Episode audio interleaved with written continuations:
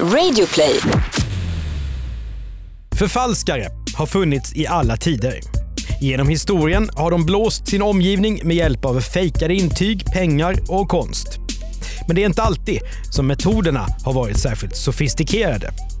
Välkommen till Misslyckade brott. Jag heter Mattias Bergman och ska i det här avsnittet berätta historien om penningförfalskaren som använde kopiator och glitterpenna. Med mig i Radio Plays studio finns också den äkte Andreas Utterström.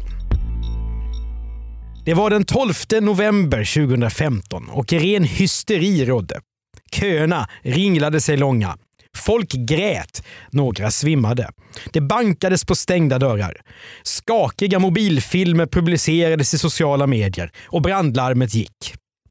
Det är rena julevangeliet Ja, ja. det här.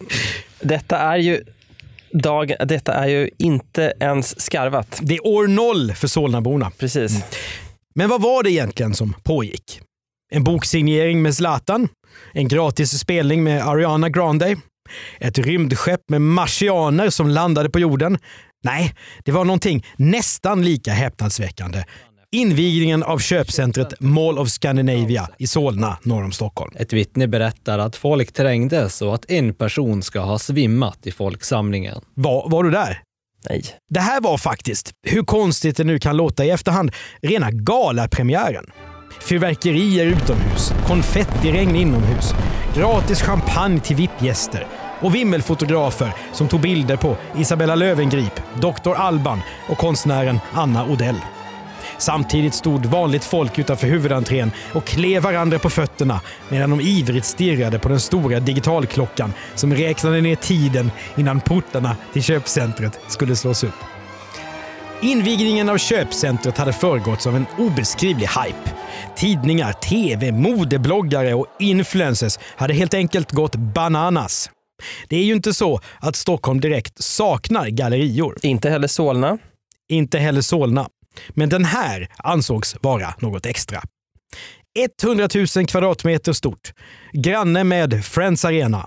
224 butiker, 3700 parkeringsplatser och över 20 restauranger. Samt Filmstaden som har en IMAX-salong dit Andreas Utterström enbart går med öronproppar. Sant. För det är väldigt högt ljud eller? Fruktansvärt högt. Jag, när jag såg den här filmen om Neil Armstrong så jag, hade fan fått eh, hörselskador om jag inte hade haft mina öronproppar. Vi har eh, IMAX nya Immersive Sound-system. Det är fyra högtalare i taket, fyra på väggarna runt omkring oss och fyra bakom duken. Sponsra oss gärna om ni vill. Ja. ja. Det är lätt att låta lite raljant när man pratar om Mall of Scandinavia, eller målen som många boende i Stockholms norra förorter brukar säga. Eller Mallen som min, eh, mina barn säger. Mallen. Men Mos var en stor succé. Efter bara 19 dagar hade den miljonte besökaren noterats. Eller så var det bara vår kompis Susanna, köpcentrets största fan, som hade varit där 990 000 gånger. Det är Apple det. Ja, det är Apple. Ja. Gillar hon målen? Ja, hon skulle vilja jobba för målen. Idag har hysterin kring Mall of Scandinavia förstås lagt sig. Även om den som vill shoppa i lugn och ro gör klokast i att gå dit en vardag när de flesta andra jobbar. Och framförallt så vill man hålla sig borta från köpcentret under Black Friday, julruschen, mellandagsrean, samtliga vanliga helger och andra tillfällen som plockar fram det absolut sämsta hos oss människor. Som ni hör så är vi inte sponsrade av Mall of Scandinavia i det här avsnittet. Men den här platsen, eller mötesplatsen som allt ju kallas nu för tiden, förvandlas regelbundet också till en brottsplats. Inte så konstigt kanske, med tanke på att Eva Attlings smycken, Hugo Boss-kostymer och roomsoffor och allt annat som går att köpa i mos tillsammans är värda miljontals kronor. Och det lockar naturligtvis till sig tjuvar. Och förfalskare, ska det visa sig. Som Anders. Han tillhör inte de där förfalskarna som är duktiga konstnärer och därför kan framställa snygga kopior. Inte heller är han del av de som hittar en smart teknik som gör att de kan ta fram låtsaskonst eller fejkade sedlar. Nej, Anders är en ganska vanlig 33-årig kille som bor i Västerås. Eller vanlig och vanlig förresten. Kanske inte riktigt. För Anders liv ser inte riktigt ljust ut. Tvärtom finns ett mörker här. Anders känner sig, berättar han senare under rättegången, helt desperat. Bakgrunden är att han har stora problem med sin ekonomi. Anders har inte betalat hyran på många veckor. Allt han ägde som överhuvudtaget hade något värde har sålts. Anders har också lånat pengar av folk som han känner. Men ändå går ekvationen inte ihop. Han ligger efter med hyran och är rädd för att bli vräkt. Frågan är vad Anders ska göra nu. Han är inte den som sågar av en hagelbrakare och springer in på banken och skrämmer slag på folk. Och att slå till mot någon värdetransport är inte ens att tänka på. Anders är inte alls kriminell på den nivån. Men han är inte heller helt laglydig. Anders är inte främmande för att ta vissa genvägar. Så han får en idé. Varför inte förfalska pengar? Problemet är då att Anders inte har en aning om hur man gör. Men hur svårt kan det vara? Vi har ju i ett annat avsnitt här i Misslyckade brott berättat historien om eh, Axel William Nordlander. Uppfinnaren som förfalskade brittiska pund i 20-talets Sverige. På den tiden var det betydligt lättare att lyckas än idag. Men Anders bestämmer sig i alla fall för att försöka. Hans mål? Han ska förfalska 200 lappar. Varför han väljer just dem och inte 500 eller 1000 lappar, det är oklart. Kanske för att 500-lappar hårdbevakas i butikskassor och skannas med UV-ljus. Eller så gillar kanske Anders Ingmar Bergman, vars skeptiska leende pryder den ljusgröna sedeln. Då står jag med Ingmar Bergman mitt emot mig och... Eh, Ja, men Ingmar Bergman säger ingenting mer. det är ingenting mer. Nej, en presskonferens är till för att man säger det som ska sägas och sedan så säger man inget mera. Tycker du inte om att prata radio? Nej, Det är först- jag, inte, inte, jag, jag, framför allt tycker jag inte om att bli överfallen. Så nu vänder du på dig och flyger hem med ditt jävla aggregat. Han är ju stark ändå, det får man säga. Eller så är det så att 200-lappen är den enda sedel som Anders råkar ha i sin egen plånbok och därför kan användas som mall för sin nya kriminella affärsverksamhet. Frågan är hur han nu ska göra rent konkret. Jo, Anders lägger en 200-lapp i sin skrivare och använder kopiatorfunktionen. Utskriften blir riktigt bra, tycker han. Han gör om samma sak några gånger till tills resultatet blir bästa tänkbara. Men det är inte helt enkelt. Hälften av utskrifterna måste han slänga för att de inte håller tillräcklig kvalitet. Men några av förfalskningarna blir faktiskt riktigt lika originalet. Anders är dock inte i mål än. Det krävs lite finlir för att sedlarna ska se äkta ut. Så Anders använder Paint, Microsofts enkla ritprogram för att göra lite justeringar. känns väldigt 90-tal med paint. Det är 90-tal med Paint och det är ju det mest basala som finns ju. Ja, Men man tar ju vad man haver. det gör man. Nu inser Anders att han faktiskt är något på spåren här. Det här skulle kunna fungera och lösa hans problem. I alla fall det mest akuta. Det med den obetalda hyran. Nu finns det fortfarande hinder att överkomma i Anders jakt på den perfekta 200 På moderna sedlar finns det nämligen delar som glänser lite. Och de går omöjligen att fixa i Microsoft Paint. Men då inser Anders att det enkla ibland är det geniala. Han tar en glitterpenna, sådana som dina döttrar gillar att använda Andreas, och så målar han på utskriften av sedeln. Och nu ser det riktigt bra ut.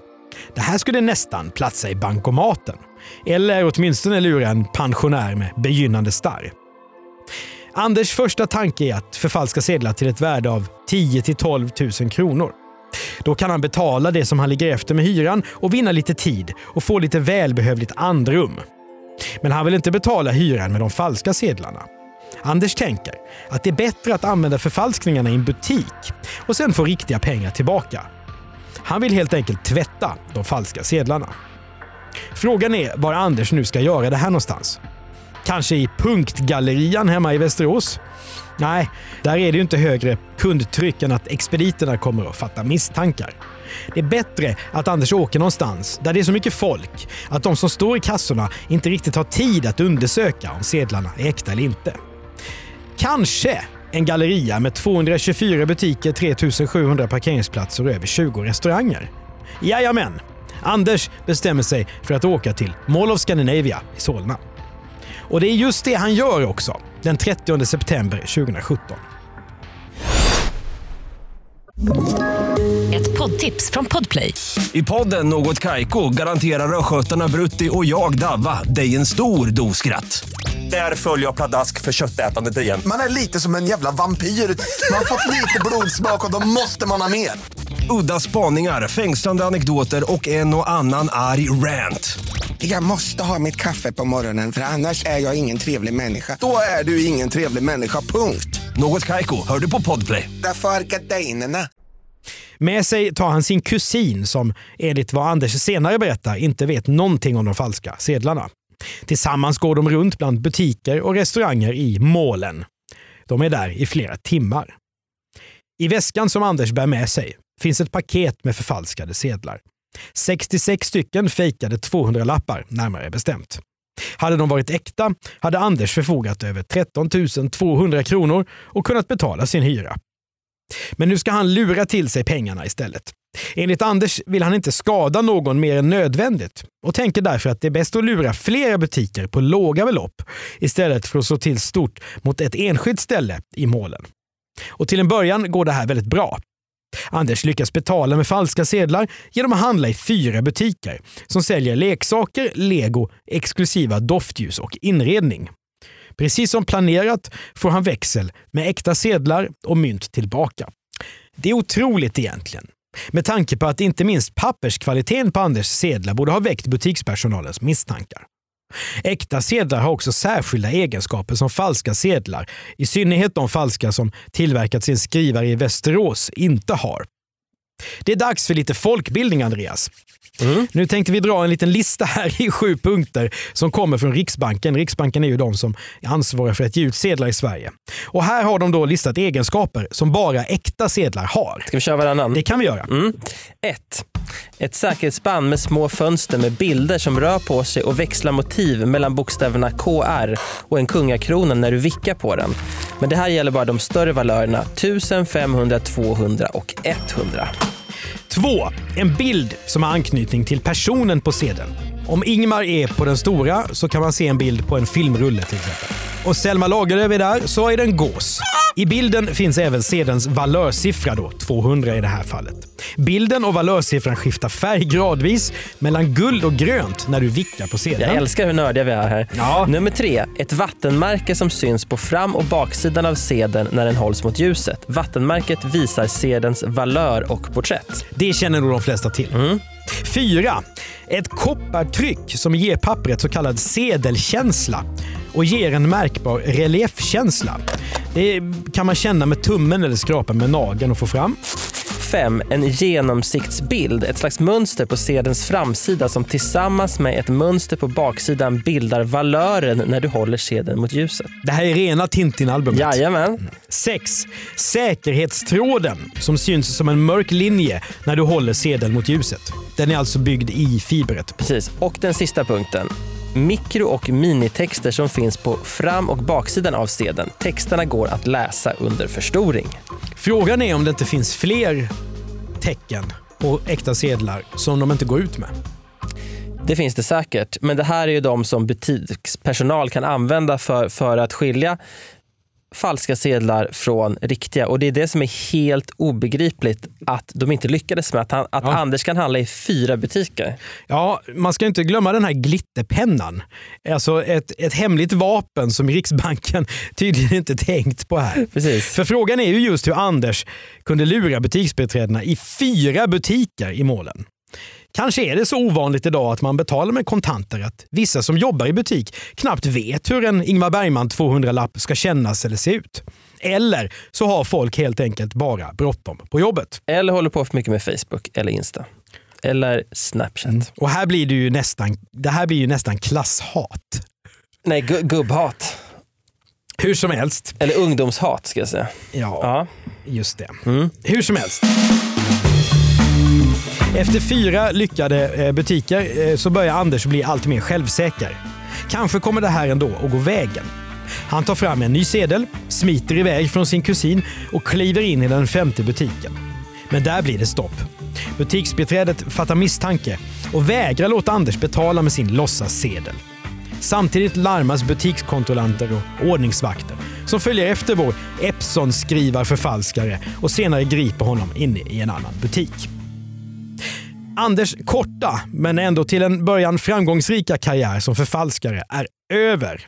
Han åtalas för penningförfalskning och grovt bedrägeri och erkänner brott.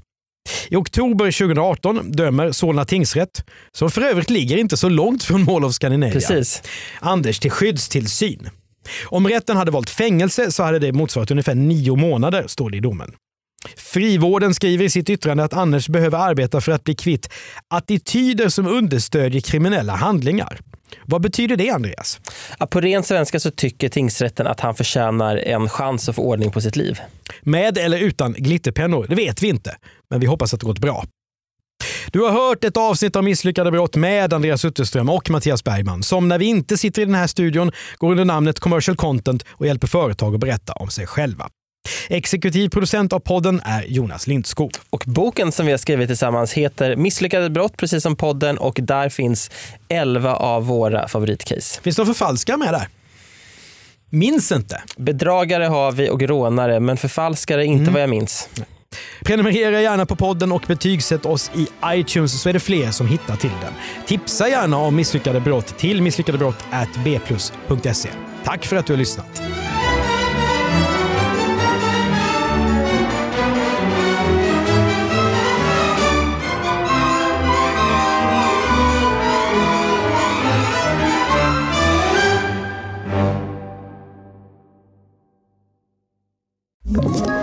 Ett poddtips från Podplay.